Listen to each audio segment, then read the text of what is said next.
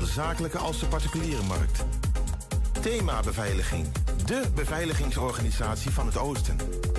Telefoon 053 4800 560 of stuur uw e-mail naar info@themabeveiliging.nl.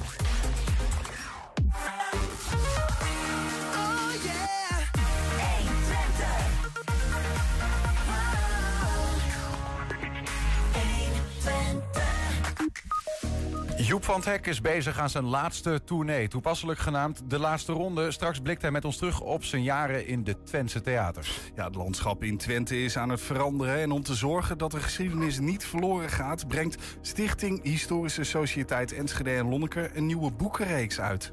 VVD'er eh, Enschede'er Joost Nijhuis die was eh, volop in het nieuws toen hij ontplofte op een klimaattop in Leusden. Daarna op landelijke televisie deed hij de uitnodiging aan Extinction Rebellion om met hem in gesprek te gaan. En dat gaan ze vandaag doen bij ons. En we beginnen met een nieuwe reeks. En die, gaat, die heet Twentse politici op weg naar het Binnenhof. Het is woensdag 8 november. Dit is 120 vandaag. 120. 120 vandaag. Joep van het Hek is bezig aan zijn laatste tournee. Toepasselijk genaamd De Laatste Ronde. Daarin doet hij een van, uh, doet een van lands bekendste cabaretiers... vrijwel alle theaters aan... waarin hij in zijn 50-jarige carrière gestaan heeft.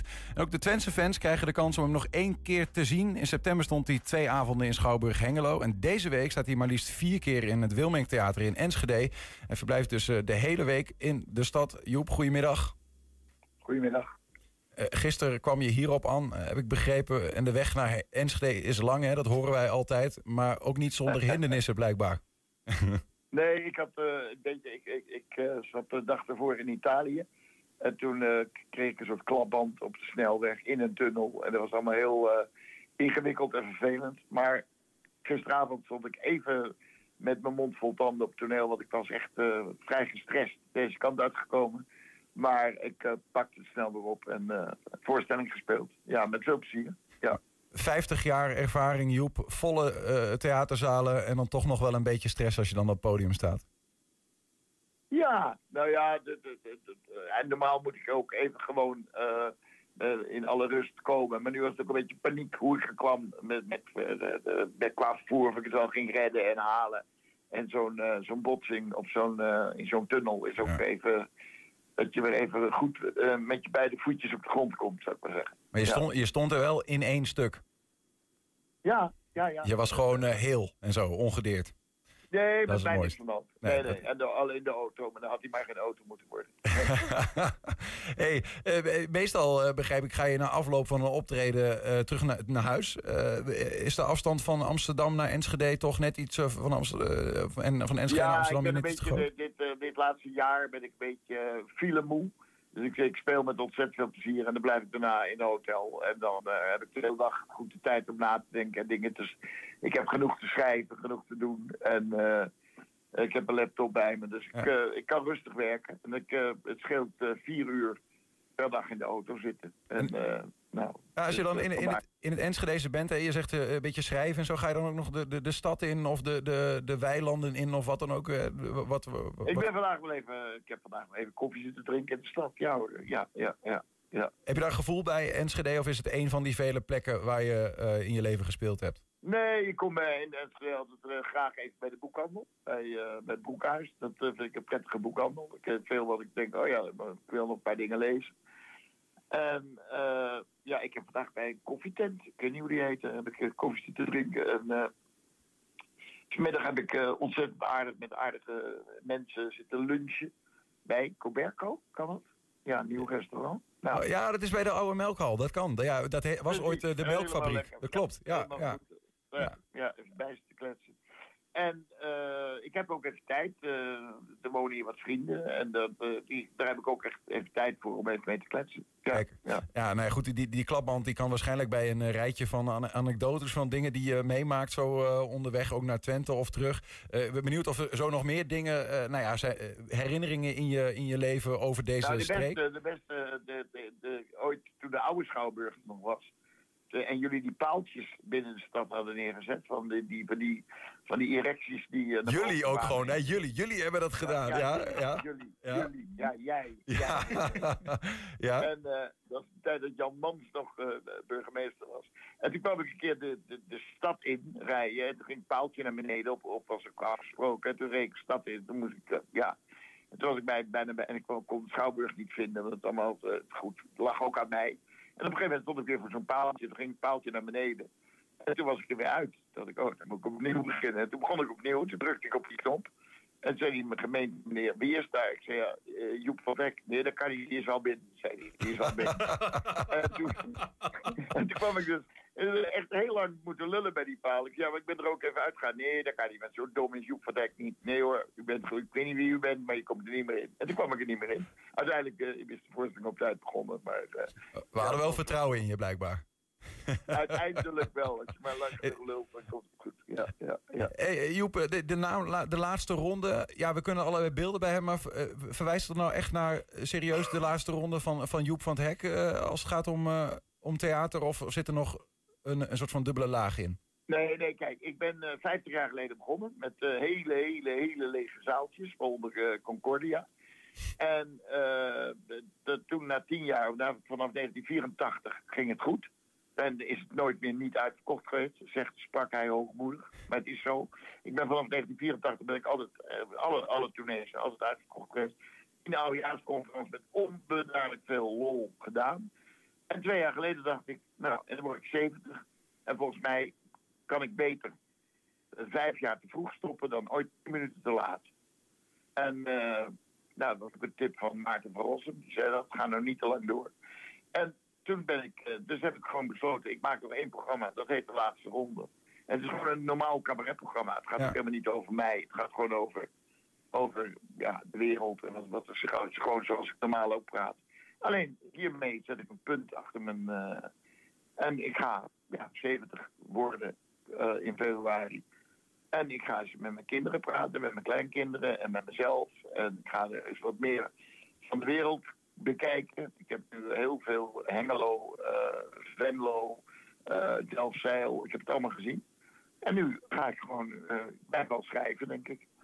En ja, dat, Ja. dat is het plan. Dat is het plan in ieder geval, ja. Dus kijken hoe dat bevalt. Ja, dat gaat niet, ook niet als het geld op is. Ja, Nog een keer in de Ziggo Dome staan. Dat, eh, ja toch nog. nee, dat ga ik ook niet doen. Ja. Dat, ik heb het gewoon onbeduidelijk leuk gehad. En ook nu nog. Ik speel. En eh, ja, ook mijn, mijn hele circus is best. Ook op, eh, die jongens zijn ook allemaal rond, rond ja, uh, ook dik 65. eh, twee muzikanten zijn ook over de 70. Dus Ja. heb ik, ja is ook wat waard. Nou ja, het- het- ook even op de inhoud een klein beetje toch ingaan van de voorstelling die je dan nu speelt. Hè? Deze, deze dagen ook in, in Enschede. Je zegt wel bijna 70 jaar. Je kijkt ook een beetje naar die leeftijdskloven, begrijp ik, die tussen ehm, nou ja, jouw generatie en de jongere mensen is ontstaan. Waar, waar, denk je dan Ja, eh, zo dat 1, 2, 3 vind ik aan? dat is ook een beetje een grap. Want eh, eh, ik, moet wel, ik moest wel lachen. Ik wel een tijdje geleden toen was bij de uitreiking van de cabaretprijzen. Mocht ik even een praatje houden. En toen maakte ik drie grapjes. En die hoorde ik later terug met Peter Pannenkoek toen hij, de, toen hij optrad bij de twee dagen later bij de. Toen dacht ik, hé, nee, nou, mijn grapjes doen het nog goed bij Ja. de jonge generatie. Ja, precies. Bij deze soort van ghostwriter noemen we dat dan, hè? Dat is dus stiekem Ja, een originele Joep van het Hek door een ander wordt gebracht. Ja, maar ik weet je, ik, eh, ik, eh, ik heb het gewoon met zoveel plezier gedaan. Ik wil ook met een ongelooflijke glimlach afscheid nemen. Ik wil ook, huppakee, in, in de krachten, alle zalen zijn vol. De mensen liggen in de rij om er, erbij te zijn. Nou, en dat vind ik het prachtige moment om, om, om te stoppen. En Ja, bij Toon ja maar toch, toch was dat niet meer zo. Ja, nee, dat snap ik. Dat snap ik. Maar, ik, ik- maar misschien is dat ook eh, een, maar een side note in je, in je hele verhaal. Hoor. Maar het, het thema kloof, eh, als, het, als het daar naar. eh, ik bedoel, je hebt ook al, we kennen je als iemand die ook een serieuze noot brengt uiteindelijk. Nou ja, we leven in een tijd dat, dat we soms wel eens zeggen. Misschien staan we wat meer tegenover elkaar dan naast elkaar. Is dat iets waar je, waar je mee bezig bent? Of is dat, zeg je van, ja, dat, speelt mee? Nee, nee. En, en, en ook het, uh, woke, het daar kan ik als cabaretier gewoon eh vrolijk grapjes over maken. Ja. Dus eh, ik, ik ben gewoon een, de, man die ik altijd was. En wat ik geloof vind, dat ik nog steeds geloof. Hey, wat ga je echt niet missen aan, uh, aan Twente, Joep? Wat, wat is absoluut verschrikkelijk aan onze regio? Nee, er is niet zo... Nee, nee oh. ik vind het altijd wel leuk. Ik heb zelfs... Uh, uh, succes gehad in reizen. Dus dat, is wel heel grappig te komen. En niet met pek en veren eruit gestuurd. Ik heb hier met ontzettend veel plezier altijd gespeeld. Ook gisteravond weer. En ja, die, de tukkers, dat, en, en, ja, we liggen elkaar wel, zou ik maar zeggen. Ja, ja. En, en, en ja, het, ja, het is wel een beetje recht toe, recht aan, grappig. Ook als ik later nog even naar, naar het café ga. Ja, ik kan met iedereen altijd wel goed ouwe hoeren. En uh, ja, ja, ik heb dus Hengelo met veel plezier gedaan. Ik heb Almelo zelfs nog. Dat gaat nu weer dicht. Die hebben weer een ja, mot. Het theaterhotel. Ook met veel plezier gespeeld. En uh, bij, uh, toen kreeg ik van, uh, van de Valk de bruidsuite. Kreeg ik, daar mocht ik in slapen. En daar heb ik toen in geslapen. Toen kwam ik thuis. Toen zei ik tegen mijn vrouw, geen angst, ik ga nooit meer trouwen. Want als je daar dan terecht komt, dan is het Goed, e- alleen, alleen de erecties uit de grond uh, in Enschede, die kunnen hier gestolen worden, zeg maar. Ach, dat was ook, dat is ook alweer 20, 30 jaar geleden. en ik heb hier, uh, weet je, ik heb hier met zoveel plezier. Ik ken die Jan Mans, die heeft mijn carrière nog eens gered terwijl ik bedreigd werd door de harde kern van Rode JC. Toen was hij burgemeester van, van kerkraden. En toen heeft hij nog aan de harde kern uitgelegd dat ik een cabaretier was die wel eens een grapje maakte. Dat je me niet meteen hoefde te bedreigen. En daarna heb ik altijd, toen hij hier burgemeester werd, heb ik altijd heel goed contact met de man gehouden. Hij is helaas overleden. Maar ik kwam hier altijd met veel, ik, ik kom hier met veel plezier. Jullie schouwburg is leuk. Uh, uh, Simone, die, die ons altijd opvangt. En, en ja, het is, het is hier goed toeven en goed spelen. En uh, Café Bolwerk is een ontzettend leuk kroegje waar ik heel graag kom. Kortom, niks te klagen. We schrijven mee. Joep van het Hek, uh, uh, dank voor die, voor die veren. En dank ook voor mooie theateravonden. 50 jaar in, in Enschede, de rest van Twente. Beginnend horen we je zeggen in, nou ja, voor hartstikke lege zalen in Concordia. En eindigt het in een stampvol Wilming Theater. Vier dagen deze dagen in Enschede. dank, veel, veel slotapplaus gewend de komende, gewenst de komende dagen. En nou ja, wie weet, als het ooit toch nog het bloed kruidt waar het niet gaan kan, als dat een goede uitspraak is, tot ziens. Oké, okay, zeker. Hoi hoi. Jojo. Zometeen beginnen we met een, een nieuwe reeks. Twente, po, Twentse politici op weg naar het Binnenhof. We zijn ook als podcast te vinden. Op alle bekende platforms vind je ons. Uh, twee kanalen hebben we. 1 Twente Vandaag, zie je de hele uitzendingen. Maar ook 1 Twente Vandaag uitgelicht. Daar vind je elke dag één item losgeknipt. 1 Twente. 1 Twente Vandaag.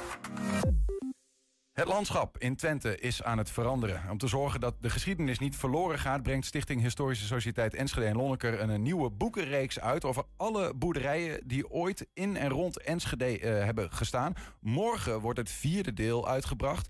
Uh, die vertelt het verhaal van 128 boerderijen in de omgeving Boekelo.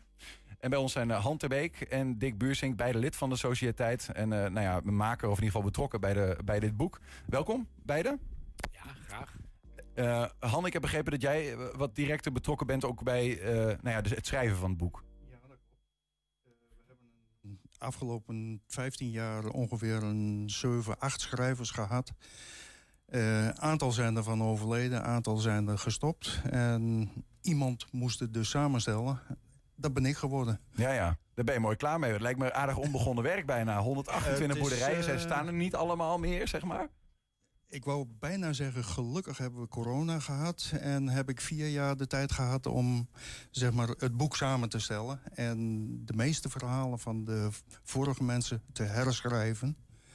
En daar is dit het resultaat van. Ja, ja, ja. Zou je de microfoon iets hoger kunnen vastpakken? Dan uh, is die. Uh, Dick, um, dit, is, dit valt in een serie van uh, boeken, hè? Boekelo ja, is nu aan de beurt. er is ongeveer 30 jaar geleden, is, dacht ik, boek 1 verschenen. En dat, uh, dat was de S-marker, als ik uit mijn hoofd.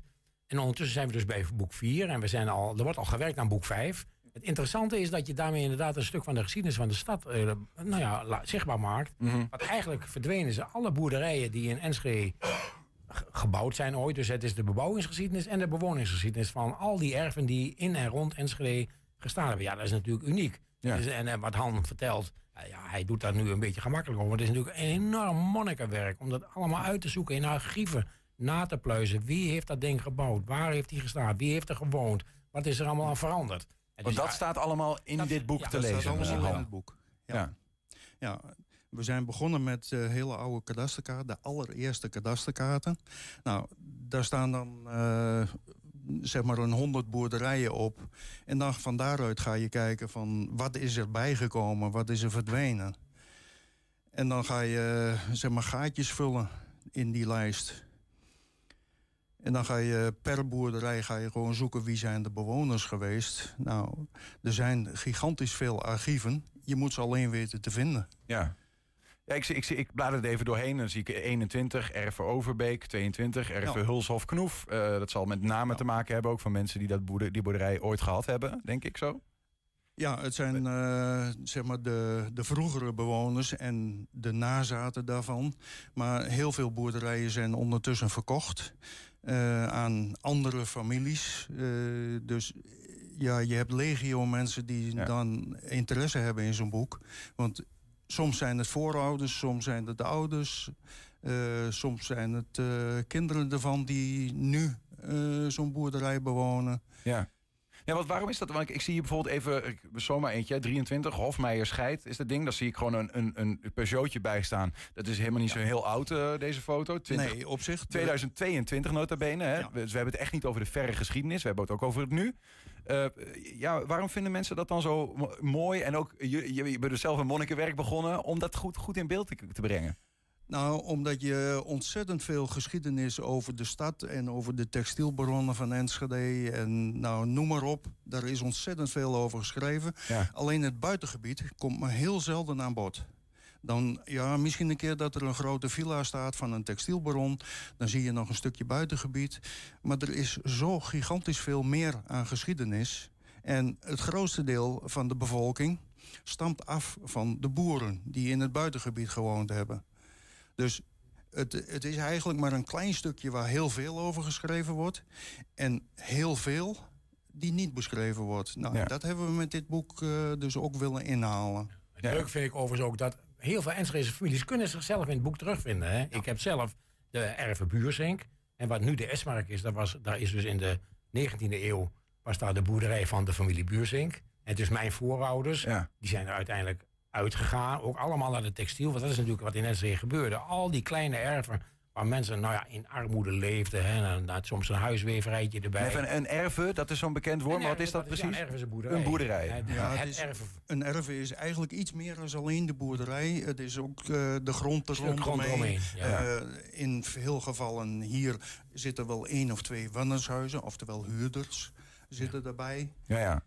Denk aan de Het is microfoon. iets meer, eh, ja. het is iets meer als eh, alleen het boerderijengebouw. Ja. En eh, Dick, je was aan het beschrijven hoe, hoe die erven, Ja, die kleine erven samenhangen met die textielindustrie. Er wonen mensen die weinig verdienden. En er werd uiteindelijk allemaal de textielindustrie ingezogen. Althans allemaal, maar heel veel boeren werden de textielindustrie inge- ingezogen. Dat waren natuurlijk mensen die met een huisweverijtje al een beetje ervaring hadden. Ja. Nou, die boerderijen werden vaak, althans de grond werd ook heel vaak opgekocht door textielfabrikanten. Hè, want die zeiden, nou, kom maar bij ons werken, nou, ik koop de grond wel van je over. Nou, dan was je toch even, als het ware, en was je even boven Jan, financieel Ja, gezien. ja. En, en, en ja, Van Eek, van Van Eek, dat weten we, dat werd gezegd van Enschede tot aan Serenberg, hoe je over grond van Van Eek lopen. Die hadden natuurlijk zoveel grond aangekocht. En, en ja, dat, dat is, en, en hier wordt eigenlijk die oude geschiedenis, van wat was er vroeger? Er zijn er dus ook gewoon, er zijn heel veel boerderijen en erven gesneuveld. Dit- Dat is nu gewoon een stuk grond. zijn er gewoon niet meer. Ja. Als je weer, als, ik, ik geloof dat, dat we nog geen 10% van de oude erven uiteindelijk overgehouden, waar Ja. nu nog geboerd wordt. Maar dit is 128, is qua Ja. Boekelo alles wat er ooit gestaan er heeft ooit of nu gestaan staat. heeft, ja. Moet je misschien het gebied even beschrijven? Eh, dit, dit beschrijft dus alleen het gebied eh, tussen de spoorweg Enschede-Haarsbergen, Hmm. de gemeentegrenzen, eh, dan aan de andere kant de A35 en aan, ja, daar, voor dit deel is dat toevallig dan eh, de hele omgeving. Ja. Eh, de andere delen worden ook nog begrensd vaak door de singles van Enschede. ja, precies. En binnen de singles, dat is de bedoeling, dat, dat zal een allerlaatste boek worden. Want eh, daar is het eigenlijk alleen maar afhankelijk van eh, archief, wat, wat we daarvan kunnen vinden. Ja, je bent beg- begonnen bij het eh, buitengebied, omdat daar ook de meeste ja. erven waren, neem Nou, ik zo en aan. daar zijn nog mensen die weten er nog wat van. Van hoe het vroeger was, uh, hoe het 50 jaar geleden was en zo. Ja. Nou, en dat geldt voor het binnenstadgebied uh, nauwelijks nog. Han en Dick misschien ook wel. Hebben jullie ook, uh, makende zo'n boek, dat je denkt... ik ben een beetje verliefd geworden op, dit, op deze boerderij... of op dit verhaal of wat dan ook? Nou, nee. Ik heb niet echt een voorkeur voor één of, of andere boerderij. Dus eigenlijk probeer ik juist uh, de onbekende boerderijen uh, wat meer naar voren te krijgen. Zo van, dit is ook een stukje geschiedenis van ons. Ja, ja. Dick? er zitten natuurlijk wel boerderijen bij. Hè. Er is één erf, dat is ook een, echt een, mooi, een gemeentelijk rijksmonument zelfs. Hè. Die, ja, ja, dat erf. Ja, dat zijn natuurlijk wel hele bijzondere mooie boerderijen. En daar is iedereen ook in geïnteresseerd. Maar wat Hans zegt is ook waar. Die, juist die kleine verhalen. Hè. Je zult maar een naam hebben en je weet ongeveer in die regio heeft mijn familie een boerderijtje gehad. Of daar stammen we vanaf. En dan is het toch leuk om het boek te kopen. Het 25 euro handen kost het? 25 euro. 25 euro. En dan kan je een stuk van, de, van je eigen familiegeschiedenis terug. Ik vond het interessant en dat mijn familie in de Esmark een boerderij gehad heeft. En dan krijg je hele verhalen eromheen. Een van de, van de broers die is dan versopen in het Aamsveen. Omdat hij ja, of aan het smokkelen was of wat ook maar, dat weet ze niet eens precies. Maar dat soort verhalen komen er ook achter vandaan. Hè? Ja, dat, dat, ja. ja wat ik bedoel, je gaan, morgen uh, gaan jullie het boek uh, presenteren hè? in, tuurlijk, Boekelo, Boekelo. bij de buren. Ja. Uh, ongetwijfeld hebben al mensen uit die contraien dit boek voor hun neus gehad, of is dat helemaal nog niet gebeurd? nou, dat zijn er maar één of twee Oh, okay. die toevallig dan bij mij thuis geweest zijn en terwijl het boek op tafel lag. Ja, ja, ja. Uh, maar voor de rest hebben we het nog uh, zoveel mogelijk. Uh, als ik jullie om als je vraag van wat zijn nou reacties van mensen op dit boek, dan moet je het echt met de mensen van de sociëteit doen, zeg ja, maar. Ja, nou, okay. en dat, die zijn over het algemeen positief. ik heb het mijn broer laten zien, die is drukker geweest en die zegt, nou, dit ziet er prachtig uit. Mm -hmm. Dus het gaat natuurlijk om de inhoud. Hè? Ja, het gaat om de inhoud. Kijk, er zijn, maar... Mensen moeten wel weten, dat is niet onbeperkt. We hebben er 700. 750. 700, ja, 750 zijn er gedrukt. En nou, boek 1 bijvoorbeeld is al helemaal niet meer te krijgen. Dat is uh, gewoon uitverkocht. Het lijkt wel zo'n geslachtsregister wat ik hier lees uit de Bijbel, jongen. In de, in de huisgezinnenlijst van 1829 worden twee families Overbeek genoemd. Het betreft hier de gezinnen van de kinderen Gerrit Overbeek en Jenneken Termors. Op huis met nummer 15. Het Wunnershuis van het Overbeek. Woont de familie van Jan Overbeek, gestorven dan en dan. Geesken, Wiegerink, gestorven dan en dan. En dan gaat het zo even verder, weet je wel. Ja, ja. Je kan een stuk van je familiegezin, als je daar gewoond hebt, kan je Ja. een stuk van je familiegeschiedenis terughalen. Dat is, dat is een mooi, eh, mooi leuk onderdeel van het, eh, van het ja, verhaal. een- Voor de samenleving is het ook het, leuk. het is ook een beetje een eh, sociaal eh, affect, eh, geschiedenis die je daarmee beschrijft. Want er zitten ook verhalen bij van families die tien of twaalf kinderen gehad hebben... waarvan de zes of zeven al in de eerste levensjaren overlijden. En nou, dat geeft toch al een beetje een idee dat het niet zo makkelijk was in het buitengebied. En dan zie je dat eh, bijvoorbeeld de, de ouders Ja, ja, die, die lenen dan geld om te kunnen blijven wonen daar. Of ze verkopen de boerderij aan een eh, landeigenaar. En huren dan de boerderij zelf weer terug. Ja. Maar de pachtboertjes. De pacht, dan worden het pachtboertjes. Ja. Ja, ja. ja en dat, is, dat werkt dan misschien ook wel als er zo'n zo'n moeilijkheid in zo'n gezin is, werkt dat ook door de generaties heen. Ja, dat werkt vaak door de generaties heen. En dan zie je, soms zie je dan langzaam één of twee van de nazaten... die zie je er weer bovenop klimmen. Die, die kopen dan de boerderij weer terug.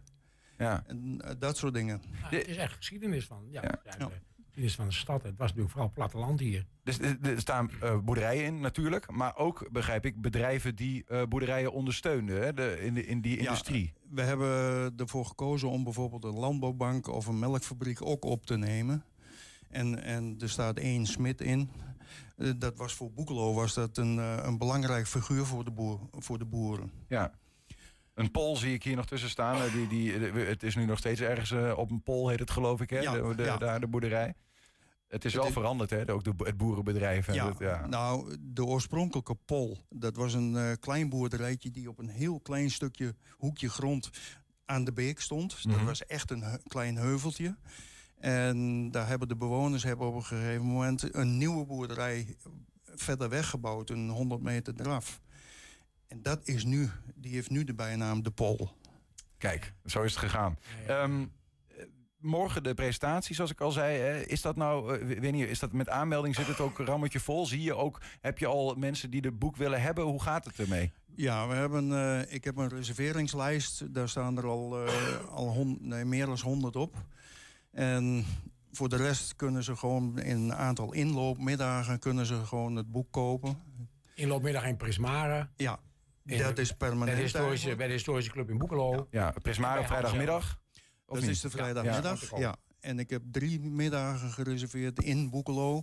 Omdat het grootste deel eh, in eerste instantie uit Boekelo komt. Ja, ja, precies. Die Nee, kunnen daar gewoon binnenlopen. oh, oh, ik denk, neem aan op de website van de Historische Sociëteit wel wat meer info website, te vinden. Ehm, eh, eh, eh, nummer 5 is dus in, gaat over de binnenstad van Enschede, begrijp ik. Of zie ik dat dat, verkeerd? nee, de- Nee, nee. dat is eh, nummer Drielo. 9 of zo. Oh, dat is nummer 9. Dus Ja, de- de- nee. de- Nee. we zijn nog niet van jullie af.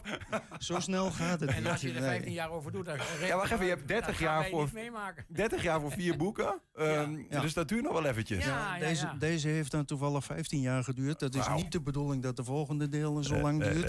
Wat is het volgende deel dan? Wat eraan komt? Het volgende deel is Twekkelo. Oké. Dat is het gebied tussen de A35 en de Hengeloze straat. Ja, ja, dat is altijd het ding. eh, We hadden het er vandaag nog over. Twekkelo noemen zichzelf eh, kind van gescheiden ouders. Hè? Is het nou Enschede of Hengelo? Ja, nou, het was vroeger de gemeente Lonneker, daarna Enschede. En toen is een deel daarvan naar Hengelo gegaan. Ja. Ik woon toevallig net tegen die grens aan. En ik ben meegegaan, of liever gezegd, mijn mijn, de voorouders van mijn vrouw zijn meegegaan naar eh, Hengelo. Maar ik voel me nog steeds eh, echt Enschede. Enschede, kijk, dat horen wij graag. Schrijven we bij op het lijstje. Bij de historische sociëteit. Ja, ja, ja, ja, precies, precies. Eh, en het onderzoek is al begonnen als het gaat om Twekkelo? Ja, ik ben al, eh, al jaren bezig met het verzamelen van gegevens. En ik ben nu, nu ik weer tijd heb daarvoor, ben ik begonnen met het schrijven voor Twekkelo. Kun je nog wel normaal naar boerderijen kijken, Han?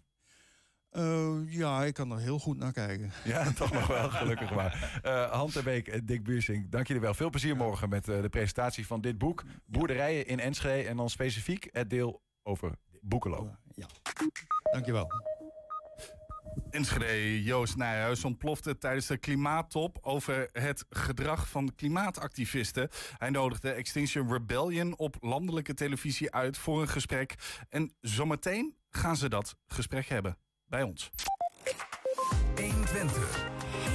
120 vandaag. Ja, in de aanloop naar de Tweede Kamerverkiezingen trekken 120 en Twente FM samen op om zetelkandidaten uit onze regio te portretteren. Vandaag trappen we die serie af met Jimme Noordkamp. Hij zat vier jaar geleden in de Losserse Raad om daarna wethouder te worden. Nu is hij klaar voor de landelijke politiek en doet hij een gooi naar het Tweede Kamerlidmaatschap bij de partij GroenLinks PvdA. Met als één doel Nederland socialer maken en politiek verslaggever Bouwien Rutte ging met hem in gesprek. Hey Jimme, dit is voor jou eh, eigenlijk je natuurlijke omgeving. Dat klopt. We zijn in het Arboretum in, eh, in De Lutte. En dat is onderdeel van de gemeente Losser. Ja. Waar ik sinds de laatste gemeenteraadsverkiezingen wethouder mag zijn. En waar ik ook eh, daarvoor vier jaar in de gemeenteraad heb gezeten. Als En nu, en nu dus de ambitie om de Tweede Kamer in te gaan. Namens PvdA GroenLinks. Ja, ik ben, eh, ik ben eh, eh, op de lijst terechtgekomen. En ja, dan gaan we er ook voor om in de Tweede Kamer te komen. Plek 24, dus gezien de huidige peiling is dat een zeer kansrijke positie. Ehm, ja, dat vind ik een enorme uitdaging. Om, om twee redenen. En ik vind dit, dit politiek moment vind ik heel erg, heel erg interessant. Twee partijen die hun krachten bundelen om te kijken of we dit land wat, eh, een wat socialere koers op, op kunnen laten varen. Nu niet sociaal genoeg, vind je? Eh, wat mij betreft niet. Nee? Ik denk dat dit land te lang is geleid als een bedrijf... waar met name het belang van de hoogste winsten... het hoogst op de politieke agenda heeft gestaan. En eh, ja, daar moet wel wat verandering in komen. Want je ziet eh, daardoor nu de, de, de ellende zie je nu aan de oppervlakte komen. Verruwing van de maatschappij. maar denk ook aan volkshuisvesting. Daar hebben we te lang overgelaten aan, aan de vrije markt. Die alleen maar bood wat voor hen het meest rendabel is. Waardoor je dus ook ziet dat bepaalde, veel middeninkomens... Te veel verdienen voor een sociale huurwoning, te weinig voor een, voor een, voor een koopwoning. Nou, daar gaan we straks ook zeker even op in, eh, Jimme. Want het is leuk, een goed dat is onderwerp prima. om even over te hebben. Maar ik ben ook zo benieuwd. ehm, wat kun jij nou vanuit Twente eh, meenemen naar Den Haag? Als je het hebt over nou ja, het sociale beleid. Nou, het, is, het, gaat dan meer over de, de, de toekomst, de toekomst eh, van het land. Eh, en dat, je ook, dat ik ook zie dat veel vrienden van mij... die, eh, die volgen een leuke opleiding... Maar je ziet ook dat voor bepaald type werkgelegenheden... ze eigenlijk steeds verder, eh, verder weg aan de slag pas kunnen. Daardoor ook moeten verhuizen. Terwijl ze zelf eigenlijk graag het liefst hier, eh, hier, hier willen blijven wonen. En andersom zie je dus ook dat talent dan ook de regio verlaat. En dat vind ik een, een probleem voor de toekomst, een uitdaging voor de toekomst. Uh, terwijl we de, de, de faciliteiten en de randvoorwaarden in Twente zijn heel erg goed. Ook zoals waar we nu zijn, de natuur, natuurrijke omgeving, de rust. Uh, de, steden, de steden om de hoek met uh, goede onderwijsinstellingen, ROC, Saxion en de universiteit. Dus je wil eigenlijk de mensen, de jonge mensen, wil je ook meer hier in het gebied houden? Talentontwikkeling, talentbehoud. En, maar en, ook en, dat onder de aandacht brengen in Den Haag? Juist. Maar, maar wat, wat uh, heeft dat voor een meerwaarde dat jij als Kamerkandidaat de Twentse natuur goed kent en meeneemt die kennis richting Den Haag? Wij zijn gezegend als inwoners van Twente dat we vaak de rust om de hoek hebben. En uh, als je af en toe in een drukke vergadering zit of je komt terug vanuit de Randstad... dan is het wel lekker om even uh, je hoofd leeg te maken... en te genieten van de natuur wie uh, Twente ja. heeft. Maar dat is ook gelijk de reden waarom jonge Twentenaren... niet alleen jonge Twentenaren, maar Twentenaren... ook vaak wel graag in dit gebied willen blijven wonen. En dan komen we op, op inderdaad het wonen, de kans op wonen. Daar ga je ook hard voor maken? Mijn punt is, ik denk dat elke partij uh, op dit moment zal zeggen... we moeten meer bouwen. Dat zien we bij gemeenteraadsverkiezingen, provinciale statenverkiezingen... nu weer de Kamerverkiezingen. Alleen de vraag is vanuit welke visie benader je nou dat woningvraagstuk? En dat begint er al meer van. Uh, erken je dat volkshuisvesting en je beleid rondom wonen... dat het een kerntaak is van de overheid? Uh, als we zagen een aantal jaren geleden dat de Nederlandse uh, regering echt aan het lobbyen is geweest op de internationale markt om grote blokken sociale huurwoningen te verkopen aan internationale investeerders. Dat zegt al genoeg wat in die jaren het uitgangspunt is geweest over hoe we dat vraagstuk benaderen. Namelijk, het is geen taak van ons, het is een taak van de vrije markt. En dan zie je dat grote groepen mensen gewoon buiten de boord vallen... omdat er misschien niet voor hun gebouwd wordt qua type woningen... maar omdat het ook qua prijs niet, niet haalbaar is. Dus we moeten het oppakken als een kerntaak van de overheid. We maken er weer volkshuisvesting van. woningcorporaties moeten meer mogelijkheden krijgen. Die moeten ook voor hogere inkomensgroepen kunnen bouwen. Dus dat ook mensen met een net, wie nu niet in aanmerking komen voor een sociale huurwoning... daar straks wel voor in aanmerking komen... En dan los je ook een andere uitdaging op met dat je dus ook wat meer, uh, meer um, een wat meer een gemengde bevolkingssamenstelling in de straten krijgt. Wanneer je dus wat ja. meer ruimte hebt. Vertrouwen is uh, voor jullie programma, jullie verkiezingsprogramma, ook een, een woord wat heel veel terugkomt. Vertrouwen in, in de overheid, vertrouwen in de politiek. Hoe kijk jij daar tegenaan? Als je wilt als je als uh, politiek en als overheid wil dat de mensen jou weer gaan vertrouwen... dan moet je ze eerst ook zelf vertrouwen. En als je kijkt hoe het, hoe het beleid in Nederland de afgelopen jaren is geweest... dan, is, dan zit er toch wel een bepaald wantrouwen in richting, uh, uh, richting de samenleving. dat vind ik, vind ik van belang. daarnaast het vertrouwen. ik denk ook dat wij als politici ook moeten laten zien dat het ergens om gaat. Ik vind het dus ook heel mooi hoe Frans Timmermans en, en Pieter Omtzigt dat nu oppakken. Van het gaat ergens over. Laten we wat langer doorpraten over de problemen. Want de problemen zijn van die aard. Die problemen zijn niet zomaar opgelost. Mm -hmm. En wees daar ook eerlijk over. Kijk, uh, niet dat ik dat absoluut niet, niet dat ik dat wil, maar er komt geen revolutie. Vooruitgang gaat in kleine stapjes. Maar we moeten wel zorgen dat mensen aangehaakt blijven en uh, zicht hebben op perspectief, zicht hebben op verbetering. Maar is het dan ook zo, want jullie zijn natuurlijk nu, uh, jullie hebben een samenwerking gestart met uh, PvdA GroenLinks.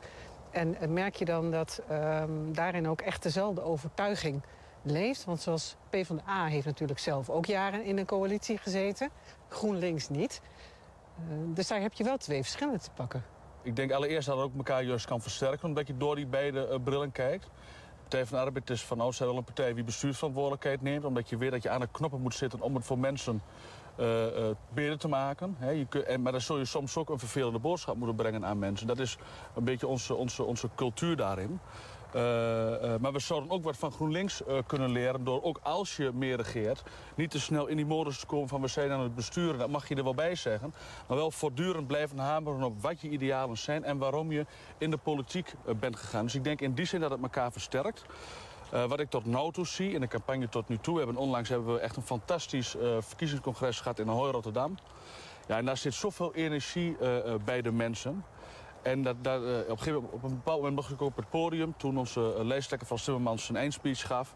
En dan keek je de zaal in en dan zie je heel veel enthousiasme en, en, en hoop bij de mensen... om als uh, combinatie GroenLinks Partij van de Arbeid echt groot te worden bij de aankomende verkiezingen. Zodat we wat bij hebben te zetten. En dat we het land de kant op, op kunnen sturen, of een, gedeelte de kant op kunnen sturen, zoals wij dat graag zien. Dus ik denk dat we van elkaar kunnen leren, dat het elkaar juist versterkt. En de energie, uh, wie ik nu zie in de campagne, geeft me heel veel hoop voor hoe het na de verkiezingen ja. zal gaan. Klinkt heel goed, uh, Jimme. Volgens mij ben jij er helemaal klaar voor. We zijn er klaar om voor. Om straks ook richting Den Haag te gaan. Ja. Dus nou ja, ook vanuit, vanuit Twente wensen we je natuurlijk vreselijk veel succes straks 22 november. Dankjewel. En wie weet lopen we een volgende keer weer dit mooie natuurgebied. Of, of, dan... of op het Binnenhof. Ja, ja, ja, nodig je uit? Dan nodig ik je uit. Hartstikke goed. Hey, succes. Dankjewel.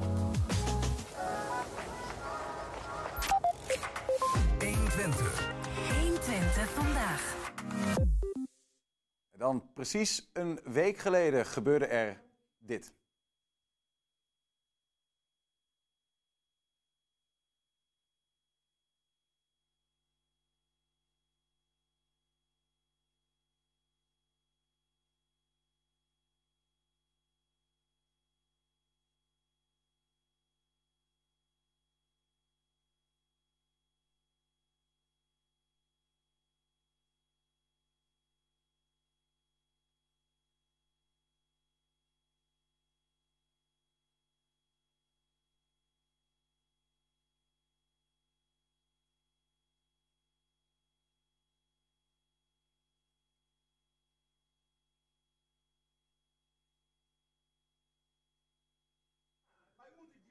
Podium. Wie zit te luisteren? U moet het juiste podium eindelijk op ons Nee meneer, u moet het juiste KLM. KLM gaat meer uitstoten, niet minder. Ah, fantastisch. En Jof, zo Ja, je ziet... Uh, die meneer die je vanaf de achterkant wellicht ziet, uh, dat is Enschede Joost Nijhuis. Zijn telefoon stond daarna rood gloeiend. Werd onder meer gebeld door het landelijke media. Zat bijvoorbeeld aan een talkshowtafel bij op één. Daarin vertelde hij hoe hij die avond uh, daar beleefde bij de klimaattop.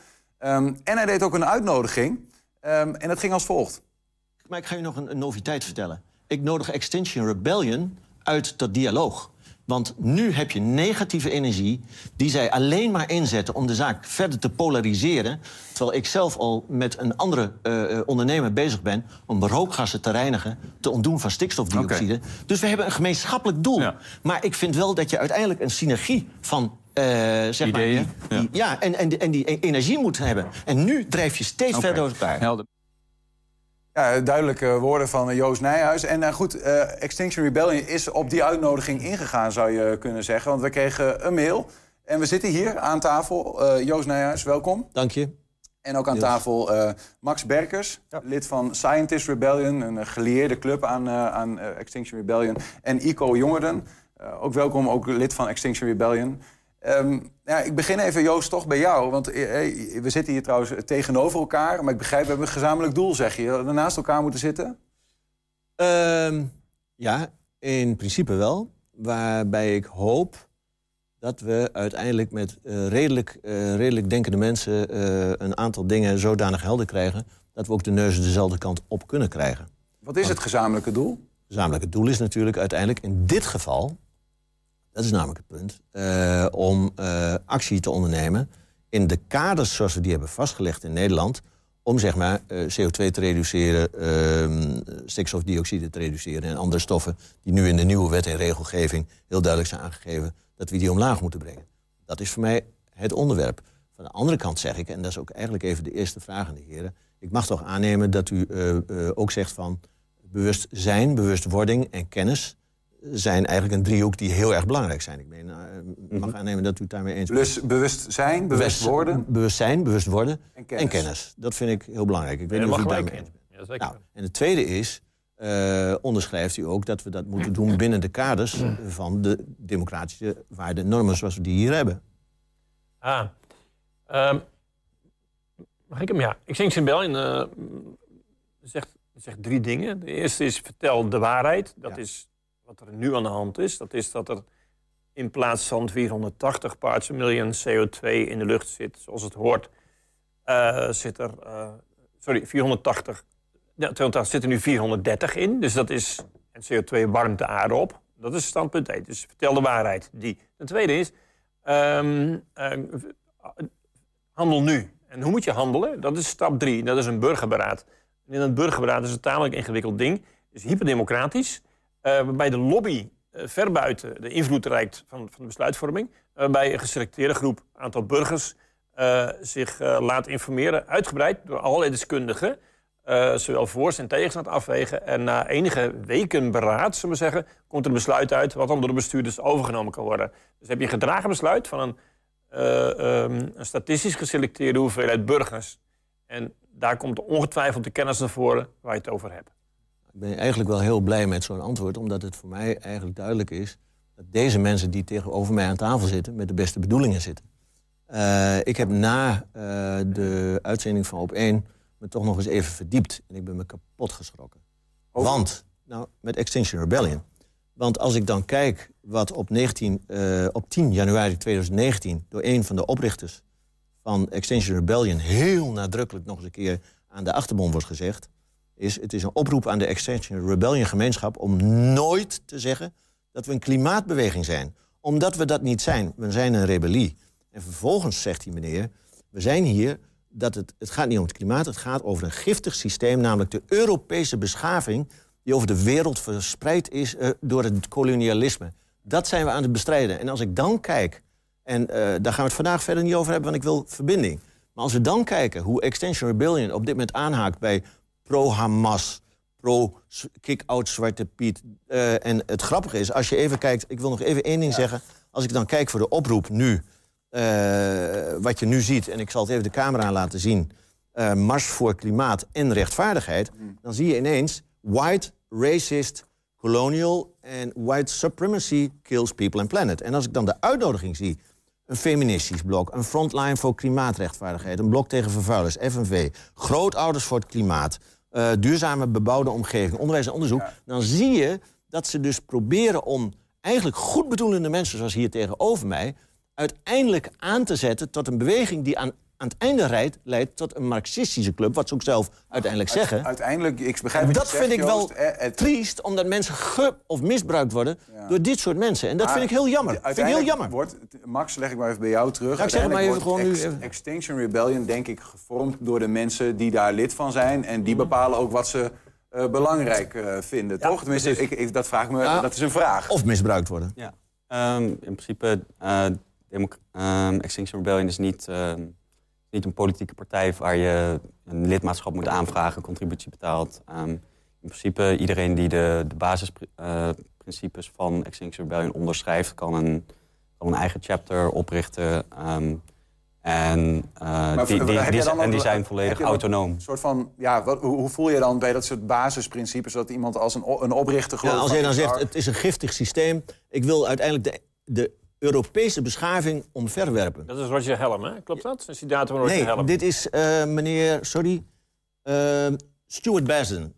Eh, Als we het hebben over Helm... Ja, maar misschien is die het zegt- goed om er heel Ja, even op te reageren, Joost. Want, want Ja, ja. Hoe, hoe heb je dan zoiets van, ja, ik distancieer me... en ik, voor mij gaat het om het klimaat? Ah, het, het, het belangrijk, allerbelangrijkste is natuurlijk klimaat. Dat is natuurlijk nummer één op dit punt. Prima. Weet je? En, eh, maar er staan zeker een heleboel standpunten in. Als je verder gaat theoriseren over kick Zwarte Piet, et cetera. Dat zijn natuurlijk andere standpunten. Maar ik kan me daar wel, wel, wel bij voorstellen dat dat gebeurt. Want het kapitalisme is wel een systeem natuurlijk... Wat, waar iets mee moet gebeuren. Ja, maar en dat dus, ligt de grondslag aan Dus de eigenlijk de, grondslag van onder meer ook klimaatproblematiek, hoor ik dan even, hè? Ehm, Ja. eh, Die, daar komen meerdere problemen uit voort. En Ja, daar wordt hier over gesproken. Is dat ongeveer wat je zegt? Dit is een heel ingewikkeld probleem, dat klopt. Ja. En eh, dat, dat haal je niet 1, 2, 3, eh, eh, haal je dat, eh, verander je dat. dat niet zo. Vandaar ook dat we zeggen burgerberaad. En er komen eh, zaken dan bij. keer niet meer naast elkaar. Nou, dan heb ik even een vraag aan Ico, want dat vind ik wel een interessante die Ja. zegt. Van, eh, Ik kan me daar toch wel in vinden, want eh, het kapitalisme is toch wel eh, de grondslag. Dan zeg ik van, ehm, als je dat dan zegt, hè, Ja. zou je dan kunnen zeggen dat alle industrie in, ik noem maar wat, in China of in Rusland, dat dat dan eigenlijk gevrijwaard is, omdat het daar dan anders gaat, want daar is geen eh, democratie en daar is ook geen kapitalisme. Ja. Ja, nee, ik, ik vraag even, ja, hoe moet ik tuurlijk, dat dan zien? Ja, nee, nee, hoe moet je dat zien? Kijk, eh, we hebben de wijze niet in pacht, want dat is me veel te zwaar. Moet ik eerlijk Ik zeggen. weet niet, waar, waar, waar, zijn al die, waar zijn al die mensen die daar tegen het hoog lopen? Ik weet niet. eh, Even goed die om, uitzending heb ik nog niet goed om elkaar, Ico, want jij bent zelf Ik je ben- bent ondernemer. En gewoon, Precies. je bent met- van XR, maar je bent ondernemer in Zenderen. Ja, precies. Ja, ja. En in ieder geval, eh, dus ik heb ook eh baat met kapitalisme. Eh, dus ik- waar het om gaat, is dat je... Wat was ook je vraag precies? Je De vraag is van... Oh ja, kom je de andere Heb je, dan, ook- heb je dan dat je zegt van nou, eh, er zijn geen marsen in China en in Rusland... omdat dat geen kapitalistische staten zijn. En Ik weet daarom... niet of het zo is. Ik ben, niet- ik ben daar niet. Nou, Ik ik kan- heb nooit beelden gezien van grote marsen Nee, zoals we die hier hebben gezien. Er zijn wel, er zijn wel elders natuurlijk wel... eh, Extinction Rebellion is behoorlijk, is behoorlijk verbreed. In Het de vrije wereld bedoel De vraag ik. is, Het is, de het kapitalisme de grond van het kwaad? Maar in de, in de vrije wereld Nee, nee, bedoel je, in de ga ik hem niet democratie. stellen. Zo hard ga ik hem niet stellen. Nee, nee, nee, nee zo hard maar ik die, die, die, die, die, die, die grote marsen vinden allemaal plaats bij, eh, in wat wij noemen democratieën, toch? Ehm, Ja, uitstekend. En ik denk ook dat we met een burgerberaad... want dat is natuurlijk de sleutel tot een heleboel zaken die we aankaarten. Daar gebeuren zoveel dingen. Dan kunnen wij als, als enkeling kunnen we daar niet op reageren. Weet je? We, we hebben niet zoveel verstand van wat jij doet in biogassen. We, we hebben een coöperatieve wetenschap. En daar moet je het van hebben, denk Ik ik. wil weer even terugpakken Ja, naar, het klimaat, anders dan Ja, gaat het Ja, heel goed. En Prima. eh, eh, Ja. Max, wij kregen een, een mail vanuit jullie gelederen, laat ik het dan zo zeggen. Eh, waarom? Want je wilde expliciet ook in gesprek met Joost, ook na die uitnodiging, na deze beelden hè, op een klimaattop waarin eh, activisten eigenlijk eh, volgens Joost Nijhuis de boel verstieren. En hij geeft dat aan bij een talkshow en hij zegt, ik wil met die activisten in gesprek. Jullie zijn op die uitnodiging ingegaan. Ja, nee, wij staan natuurlijk ervoor open om ja, onze punten voor het voetlicht te brengen, om tot wederzijds begrip te komen. Ehm, want uiteindelijk ehm, is een beweging als Extinction Rebellion ehm, heeft het nodig dat eh, de massa in beweging komt. Dat eh, mensen, zeg maar die drie punten die je eerst noemde, bewustzijn, bewust worden, kennis. Daar ben ik ook bewust mee begonnen. Dat, dat mensen die, nou, die kennis krijgen, dat ze bewust worden, dat ze bewust zijn. Ehm, zodat eh, je op die manier die politieke verandering krijgt. Dat mensen die van hun politieke leiders gaan eisen. Ehm, omdat de manier waarop we het systeem nu hebben ingericht eh, heel oneerlijk is en ehm, heel bedreigend is voor eh, ja, onze toekomst. Ja, precies, maar dan moet wat, is er misschien, wat, wat, is, wat, wat is de oneerlijke component? Want Die wil ik dan even horen graag. Nou ja, kijk. Met de algemeen. Ehm, een van de punten, zeg maar, om dat even op, toch even terug te komen op dat eh eh, eh, racisme-punt erin. Ehm, als je kijkt naar waar de grootste klappen gaan vallen eh, door klimaatverandering, waar mensen het eerst echt eh, levensbedreigend in de pro- problemen zullen komen, dat is met name in de Global South, weet je. Eh, dat is een geografische component. Daar zie ik nog niks van racisme in terug. nou, maar daar zit natuurlijk wel een correlatie tussen, zeg maar. Welke correlatie zit er dan? Want ik, nou ja, kijk. ehm, Licht me even in. hier in Nederland, breder in de westerse wereld, ehm, stoten we ontzettend veel CO2 uit. Hebben we Mhm. historisch heel veel CO2 uitgestoten. Wij zijn een belangrijke veroorzaker van het probleem. En de eh, klappen die vallen voornamelijk in bijvoorbeeld Afrika, in India. Ehm, en doordat we nu eh, het maar ja, te langzaam doen, het maar een beetje rustig aandoen, zeggen we in feite dat de eh, levens van mensen in de Global South ondergeschikt zijn aan het comfort van mensen hier in het Westen. En dat kun je niet eh, loszien van eh, de geschiedenis van westerse landen die de wereld over gingen zeilen om eh, met koloniën daar lokale bevolkingen uit te buiten. Als ik even dit puntje oppak, hè, voordat we weer doorgaan naar de toekomst. Want daarvoor zitten we hier eigenlijk vandaag, denk ik. Mhm. Als ik nog even terug ga naar de, ehm, een van de belangrijkste zaken die ik vaak mis in een debat, Mhm.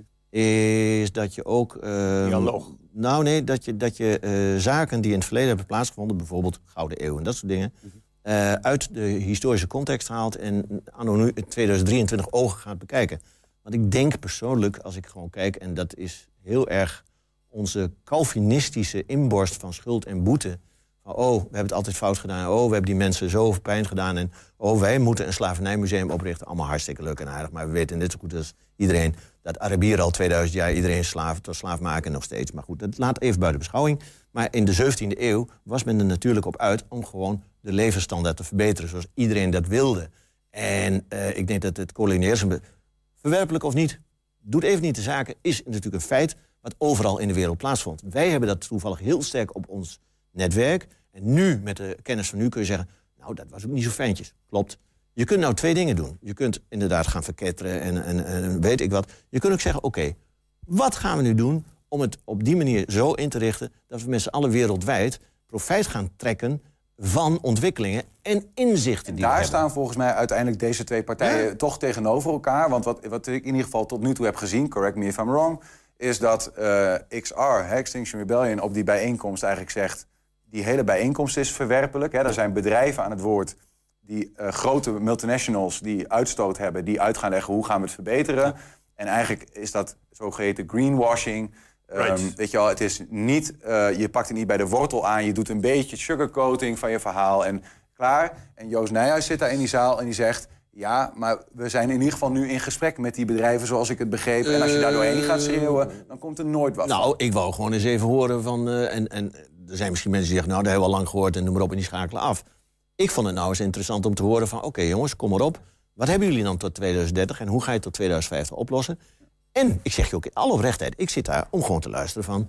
oké, als jullie dan inspelen op... en dan ben ik gewoon heel, ben ik ook ondernemer... op bepaalde zaken, bijvoorbeeld stikstofdioxide... dan wil ik daarna natuurlijk met ze in gesprek. Wat ik ook gedaan heb overigens. en dan gaan daar ligt de zeggen- oplossing ook. Juist combineren van Nou, de winst dat voor geloof de ik wel. ondernemer en de winst. Maar als ik daar dan even op mag reageren. ehm, als je, weet je meer inzicht wil eh, krijgen in hoe die bedrijven dat aanpakken... dan moet je niet naar dit soort eh, propagandapraatjes gaan... waar ze zich van hun allerbeste kant laten- laten zien. Waar je dan naar moet kijken is wat ze zeggen op hun aandeelhoudersvergaderingen. Shell heeft dit jaar bijvoorbeeld eh, gezegd dat ze de productie van olie en gas... voor de komende eh, tot met 2030 weer gaan opschroeven. Ze, hebben, ze hadden een eh, duurzame energietak, Shell Energy. Die hebben ze verkocht omdat die niet winstgevend genoeg was. Ehm, als je kijkt naar waar Shell zijn geld naar uitgeeft... ehm, dan is het voor meer dan 90% gewoon nog steeds een fossiel bedrijf. En weet je, ik zie ook dat ze Nederland goede investeringen doen. Dat ze een electrolyzer bouwen in Rotterdam. Dat ze een windmolenpark in zee aanleggen. Maar op het moment dat jij voor meer dan 90% van je geld ehm, fossiele eh, bronnen wil blijven exploiteren... en een fractie van je geld maar aan duurzame technologie wil eh, gebruiken... dan ben je gewoon geen goed bedrijf. En dan is het Geen een bedrijf. theatershow eigenlijk waar Ja. mensen naar zitten te kijken op zo'n moment. Ja. Dat hoor ik je zeggen. En ehm, om nog even zeg maar, het evenement in zijn geheel te pakken... dat is georganiseerd door Elsevier. En, ehm, ja, ik weet niet- ik- klimaattop ik- waar het over ja, ging, ja. Ik, weet, ik weet niet of u Elsevier leest, maar... Ik lees hem al ook- 55 jaar, sinds ook ik een- eh, kan lezen. Dat heeft ook een handje van eh, het greenwashen en het, eh, nou, ja, toch een beetje de Shell-propaganda verspreiden. Sterker nog, ik heb, ik heb ook een briefje meegenomen. Ja, heel goed. Eh, Ja, ik ken hem. Ik heb hem helemaal gelezen. Dit was een eh, cover van eh, Shell dit jaar, van, van Elsevier dit jaar, met de tekst Het groene Shell. met letterlijk het Shell-logo ge- gegreenwashed. Ehm, waarin ze dan het punt maken dat Shell in Nederland heel veel investeert in groene technologie. Nou ja, die electrolyzers, die electrolyzers, die windparken. Maar ja, Shell is natuurlijk gewoon een multinational bedrijf. Weet je, in eh, Alaska, waar ze olievelden exploiteren, eh, investeren ze nog gewoon in fossiel. Dus zeg maar, als we het hebben over greenwashing, dan is Elsevier in Nederland daar toch echt wel een uh, Maar Max, hoofdverantwoordelijke maar Max, voor. ik, ik vind het toch wel grappig. Want dan wil ik nog even op ingaan wat jij nou zegt. Ik weet niet, ehm, ik ben gewoon eens even benieuwd. hoeveel, niet dat ik ze verdedig, want op zich vind ik ook dat ze veel meer kunnen. En dus we vinden elkaar wel. Alleen, nou gaat het even om de scope. Willen we, willen we eh, helemaal focussen in het Nederlandse of gaan we global? Want soms pak jij de zaak ineens heel global. Mhm.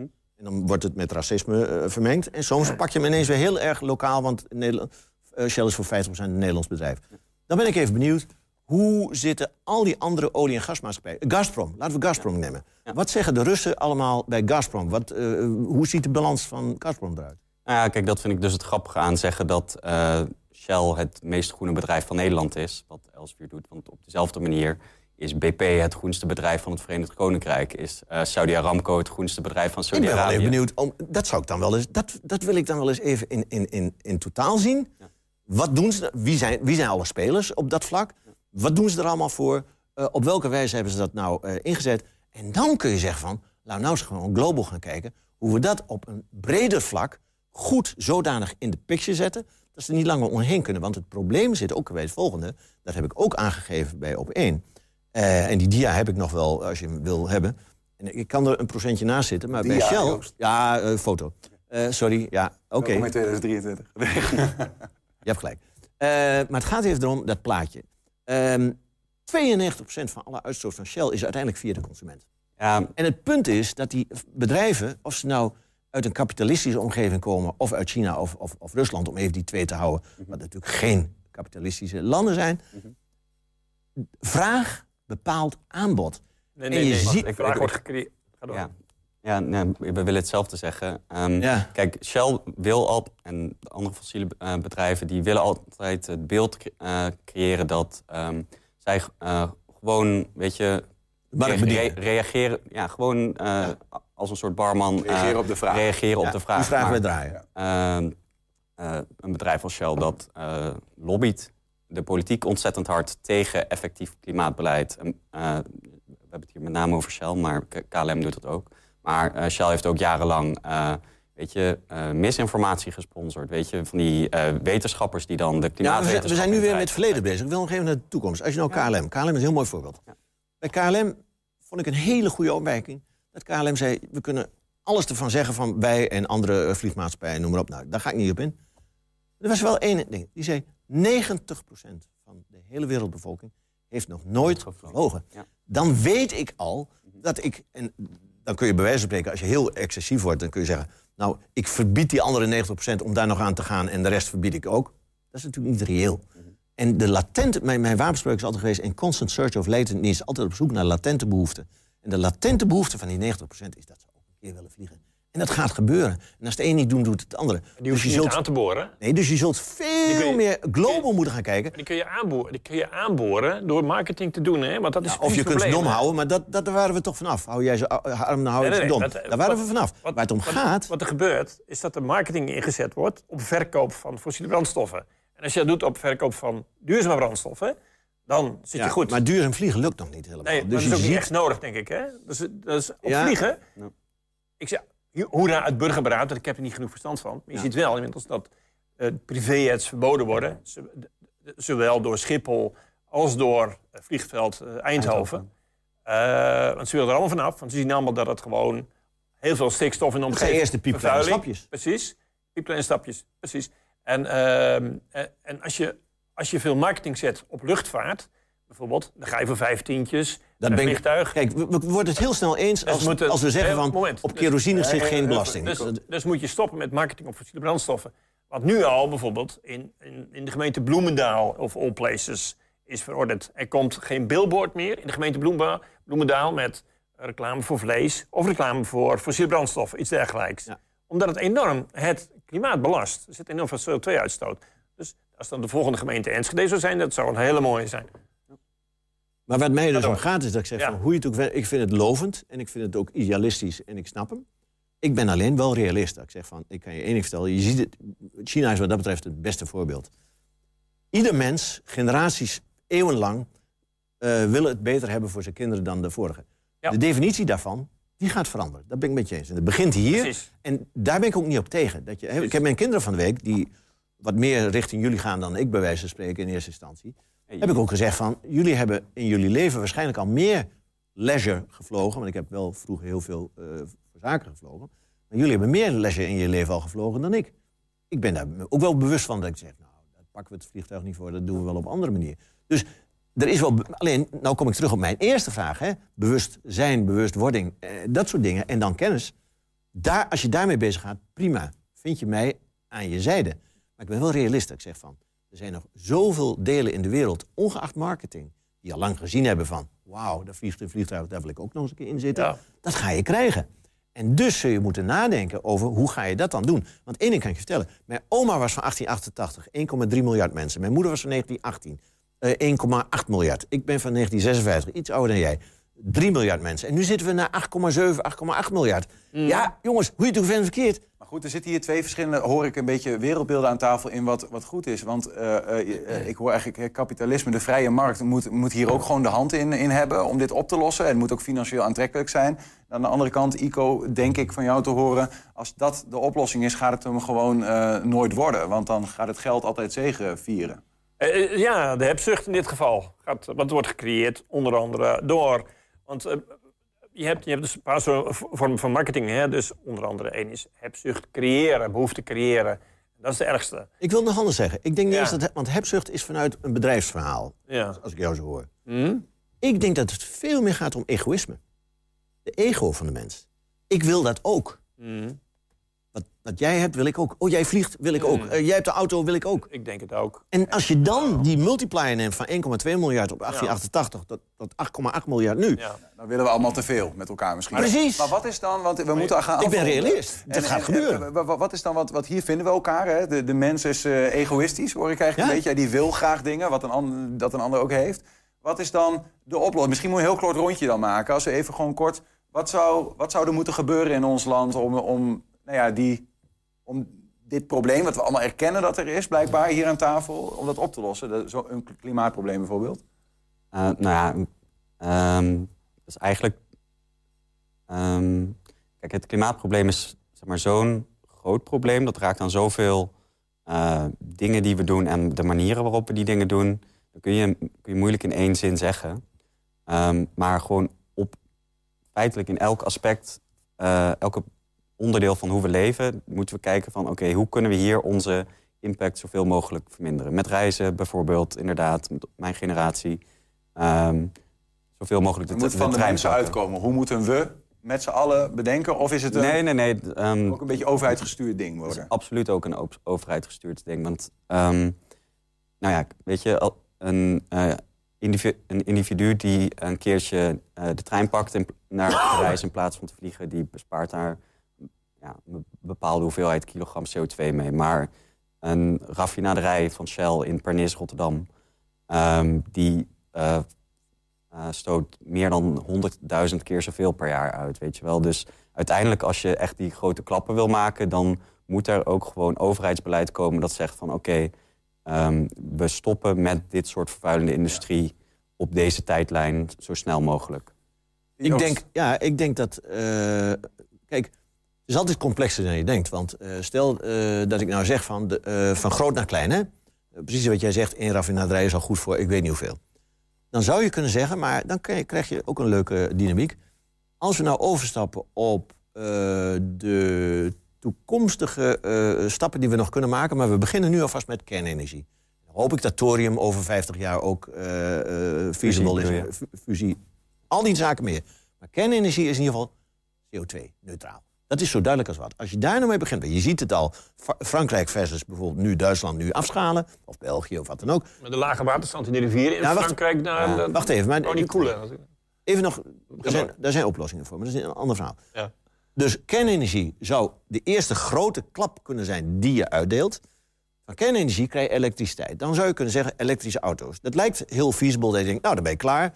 Maar, en daar hadden we het net over, batterijen. Daarom vind ik het wel Dat leuk is, dat ik met jou... Max een vakgebied. Exact. Ja. Eh, dan zie je dus dat we daar met hele zeldzame zaken als eh, eh, lithium en... ehm, eh, God, dan weet ik even die andere... Ja, Nou, je, wil kobalt zeggen, maar, ja. zeg maar kijk, in de, Zeg maar, en in- dan in- zeg maar ik in de batterijindustrie zijn we ons hier ook bewust, van. Dus zeg maar, ze, zijn nu, ze zijn nu al natriumbatterijen aan het uitrollen. Exact. En natrium, dat kun je gewoon uit zeezout halen. Exact. En ACL. Nou, dat soort, dus je ziet dat je. Het is complex. Maar ik denk dat je eerst de grote stappen moet maken door van fossiel af te gaan. Daar vind je mij aan je zijde. Maar tegelijkertijd is het vrij complex dat je dan op dat moment ook. En ik vond wel leuk dat jij dus ook inderdaad met batterijen bezig bent. Want dat, ik heb mijn zelf, dat weet jij nog, mijn tweede Rijksmuseum Twente Symposium, die ik dus op eigen instigatie heb georganiseerd voor uiteindelijk de besluitvormers, was ook over duurzame energie en duurzame energieopslag. Omdat dat de kweeste is. En daar vind je mij ook. Want daar wil ik graag samen... andere vormen van Juist. energie, andere vormen van opslag. Samen innoveren, samen uiteindelijk er naartoe gaan om zo snel En mogelijk daarvoor die is zo'n klimaattop nodig. Dat vond ik wel, want dan krijg ik tenminste... En dan kan ik ook reageren. Maar als ik op voorhand al roep, weg ermee en eh, bullshit... Ja, dan krijg ik geen dialoog tot Oké, stand. laatste woord voor eh, ICO. Ehm, ik stel voor, eh, eh, een, een burgerberaad. eh, een lobby eruit, dus die mensen die daarop, dat de KLM, Shell en Rabobank Landelijk, staat er nog landelijk niveau. Landelijk, dus breed democratische besluitvorming. Ik zou haast zeggen, begin met de nood, klimaatnoodtoestand uit te roepen. Dus, en vervolgens dat het burgerberaad meer handen en voeten krijgt. En dan, dat duurt een half jaar tot een jaar of iets dergelijks. Bijzonder ingewikkeld. Is te organiseren. Er zijn heel veel deskundigen voor.